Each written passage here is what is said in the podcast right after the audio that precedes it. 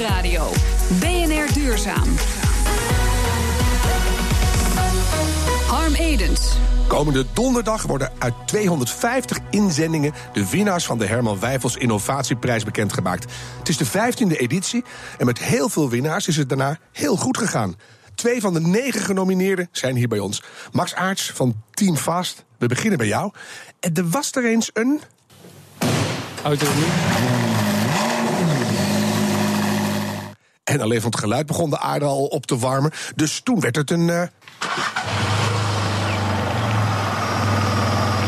Dat was natuurlijk al een tikkeltje beter. Maar uiteindelijk willen we natuurlijk naar. En daar zijn we nu in de buurt, hè, Max?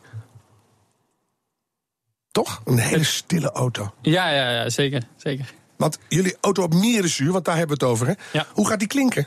Uh, nou, eigenlijk geruisloos. Je kunt het een beetje vergelijken met een, uh, een normale elektrische auto. Hè? Dus uh, de aandrijving gaat gewoon elektrisch zijn. Ja, dus je maakt stroom op een manier en daarna is het eigenlijk een reguliere elektrische auto. Ja, precies. Je hebt hier een prototype meegenomen. Klopt. Schaal 1 op. Um, even kijken, het is een 1 meter schaalmodel van een Porsche die normaal 5 meter is of zo. Ik denk 1 op 5 ongeveer. Briljant wetenschappelijk snel uitgerekend. Kan, kan je hem beschrijven? Wat, wat zien we hier? Ja, ik zal de kapper even afhalen. En dan Mhm. kun je echt de techniek aan de onderkant uh, of aan de binnenkant zien. Is het ook een poging om duurzame techniek sexy te maken dat je een Porsche propt? Nou, het is wel belangrijk dat, uh, ja, dat het er mooi uitziet natuurlijk. Want hoe innovatief je innovatie ook is, uiteindelijk uh, wil het oog ook wat. Nee, Dus, ik vind dat eh, stiekem vind ik dat verstandig hoor. Ja. Want voordat je echt de diehards uit een Porsche krijgt, gaan ze toch weer lopen zeuren. Nou, je kan er gewoon in blijven zitten. Ja, precies. Wat zien we? Um, goed, aan de achterkant hebben we een, een, uh, een tankje. Nou, het voordeel van mierenzuur is dat het een vloeistof is. Dus nou, dat kan ongeveer dezelfde tank zijn als we nu gewend zijn bij benzine- of dieselauto's. nou, met een pompje pompen we dat in de reformer. En hier wordt eigenlijk waterstof geproduceerd. Wat vervolgens naar een fuelcel gaat. En die fuelcel die zet het om naar elektriciteit. Nou, elektriciteit gaat oftewel in het uh, batterijpakket of direct naar de elektromotor. Het blijft ook een hybride systeem. -hmm. Nou zie ik wel allerlei dingen, zoals de, de, de, de verdeelkap en uh, het elektrische gedeelte. Die zitten Ja. allemaal op de plek van de bestuurder. Ja, dat Dus klopt. Waar moeten wij zitten? Ja, we hebben het uh, in dit model een beetje ruim opgebouwd. Um, en het kan allemaal een stuk kleiner. Maar ja, omdat het al 1 op 5 schaal is, uh, moet je toch een beetje ja, werkruimte hebben, om het zo maar te zeggen. Ik zit je te pesten. Het is gewoon nog even allemaal uitzoeken. Maar dit is in principe de, de opstelling van hoe het werkt. Ja, precies. Hoe, hoe lang weten we al dat we energie kunnen halen uit mierenzuur? Hoe is dat anders dan bijvoorbeeld zwavelzuur of citroenzuur of Um, nou, in principe is het niet, niet super, uh, super nieuw. Het concept van rijden op, een, op mierenzuur, wat onder de categorie solar fuels valt, is al best wel oud. Mhm. Uh, maar het was nog niet echt mogelijk uh, tot voor kort. En toen zijn wij er eigenlijk mee aan de slag gegaan. En toen heb je eigenlijk een, eh, vanuit een productinnovatie die er al was, een nieuwe toepassing gezocht. of een nieuwe Ehm, nee, we, letterlijke we hebben, inbouwsysteem. We hebben het, we hebben het, het systeem kunnen downscalen, waardoor het toepasbaar is in een voertuig. -huh. En dan denk je mierenzuur. En als dat stelt, het wordt een succes, dan wil iedereen aan de mierenzuur. Hebben we dan overal mierenzuur melkboerderijen? Nou, het heeft in principe niks met, met mieren, de dieren zelf te maken. Dus helaas. Dat is jammer, uh, ja. Nee, of ja, eigenlijk gelukkig. Hè, onze Partij van de Dieren misschien uh, op dat weer? Zal ik een betere vraag stellen? Wat is mierenzuur Nou, chemisch gezien? Uh, mierenzuur is eigenlijk uh, het samenvoegen van waterstof en CO2. Als je die twee moleculen aan elkaar koppelt, nou, dan krijg je mierenzuur. En dat is een vloeistof. Uh -huh. En, en waar halen we dat CO2 vandaan? En uh, die, die zuurstof, die geloof ik wel. Ja. Uh, nou, in principe kun je um, uh, CO2 uit de lucht filteren. Nou, dat is 0,04 procent, dus dat is niet echt uh, interessant. Maar je kunt het bijvoorbeeld van afvalstromen, van biovergisting of van een mesverwerkingsfabriek. Daar kun je eigenlijk duurzame CO2 als afvalbron gebruiken als ingrediënt voor het produceren van je mierenzuur. En is het dan, stel we willen en masse aan de mierenzuur, is er dan genoeg CO2 voor iedereen?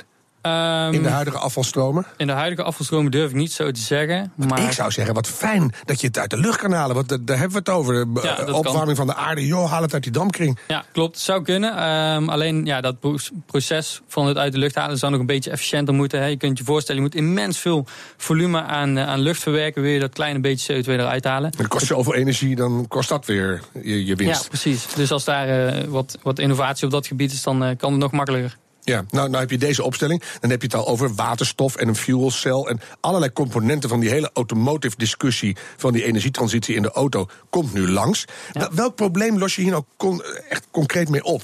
Nou, als we gaan kijken naar duurzaam transport, moeten we elektrisch rijden en van de verbrandingsmotor sowieso afstappen. En dan wordt al heel snel gekeken naar batterijen of naar waterstofonderdruk. Nou, batterijen, wij zeggen altijd, is prima voor woon-werkverkeer, mhm. korte afstanden.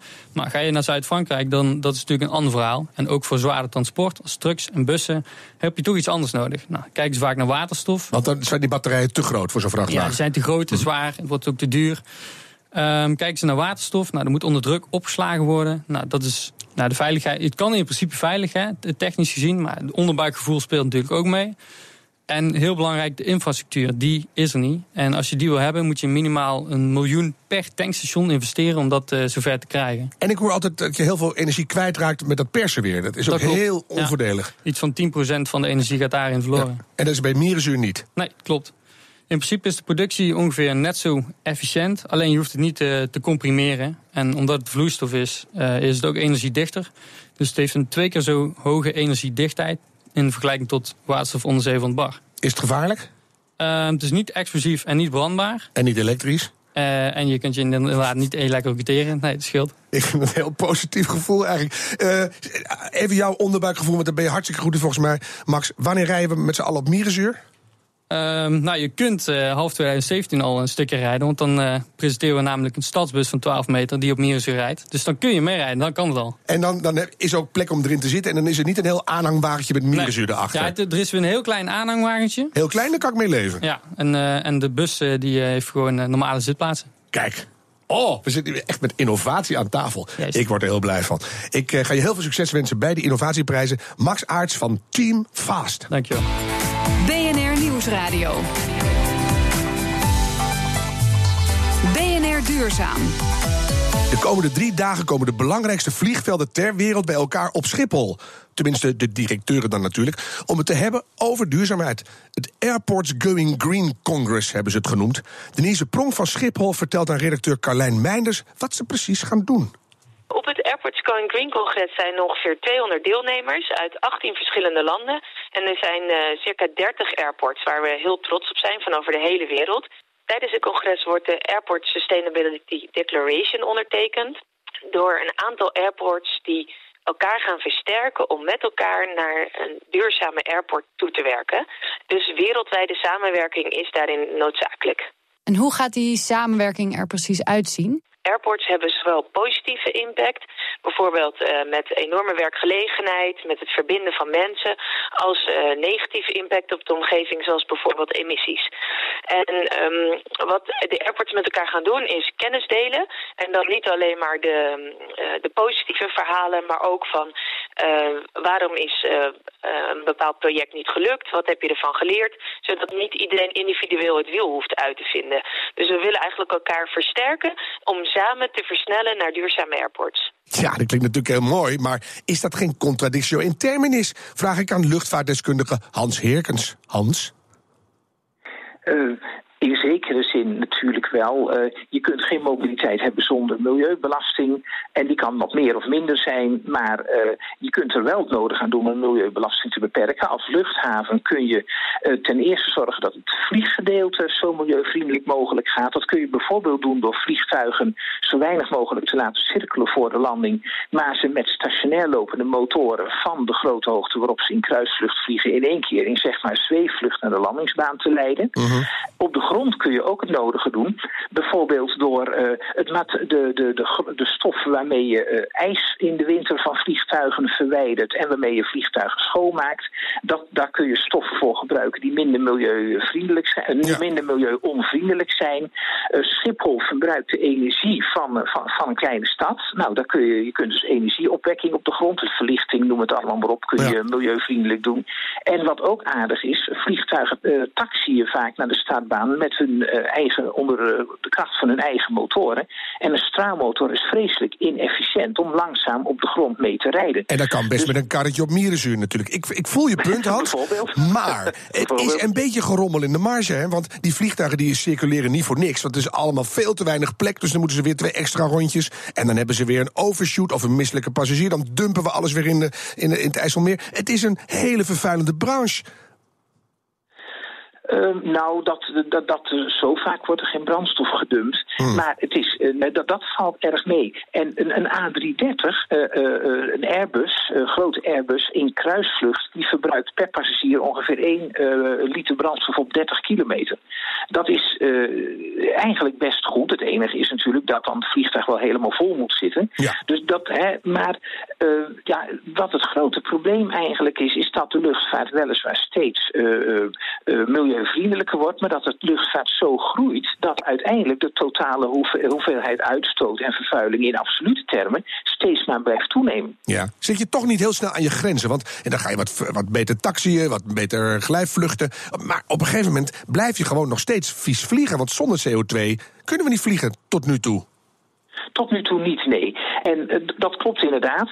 Uh, er wordt hard gewerkt aan elektrische vliegtuigen uh, die op kortere afstanden er wellicht in de komende 20, 30 jaar gaan komen. Maar of het op de langere afstanden ooit lukt, dan kom je bij politieke keuzes inderdaad uit hoe ver, hoe belangrijk vinden we die mobiliteit? Hoeveel milieuvervuiling hebben we daarvoor over? En zijn we bereid bijvoorbeeld om uh, met vliegtuigen, waar je wat moeilijker met, met elektrische energie en waterstof en zo kunt werken, om er mhm. wat meer toe te staan, zolang we op andere, hè, bijvoorbeeld auto's, die kun je best elektrisch laten rijden, schepen kun je misschien elektrisch laten varen, dat we daar wat meer uh, milieuvriendelijk worden en dan met vliegtuigen accepteren dat het wat minder, minder is. Maar dat is een politieke keuze. Maar we moeten op nul staan in 2030, Hans, dus we hebben niet heel veel tijd meer. Kunnen we niet gewoon gaan vliegen op CO2? Ik hoor goede verhalen over.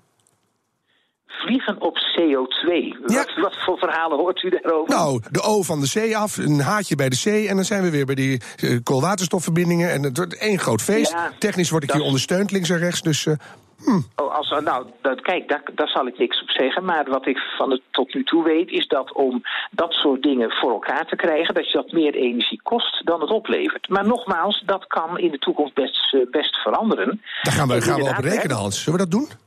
Nou, de, uh, misschien dat de mensen die u ondersteunen dat kunnen doen. Ik ben niet zo'n rekenaar daarin. Maar, dat gaan wij doen. Ik ga, oh, je, prima zeg. ik ga je bedanken voor je enorme hoop, want die deel ik met je. En uh, tot de volgende keer. Luchtvaartdeskundige Hans Heerkens. Straks nog een genomineerde voor de prestigieuze Herman Wijfels Innovatieprijs. Een batterij die werkt op water en keukenzout. Ja. BNR Nieuwsradio. BNR Duurzaam. We hebben het allemaal gehad op school. Keukenzout is natriumchloride, NaCl. En als je dat in water gooit, dan krijg je Na en Cl-, oftewel spanningsverschil. Zit ik een beetje in de buurt? Emiel Goosens van Aqua Battery.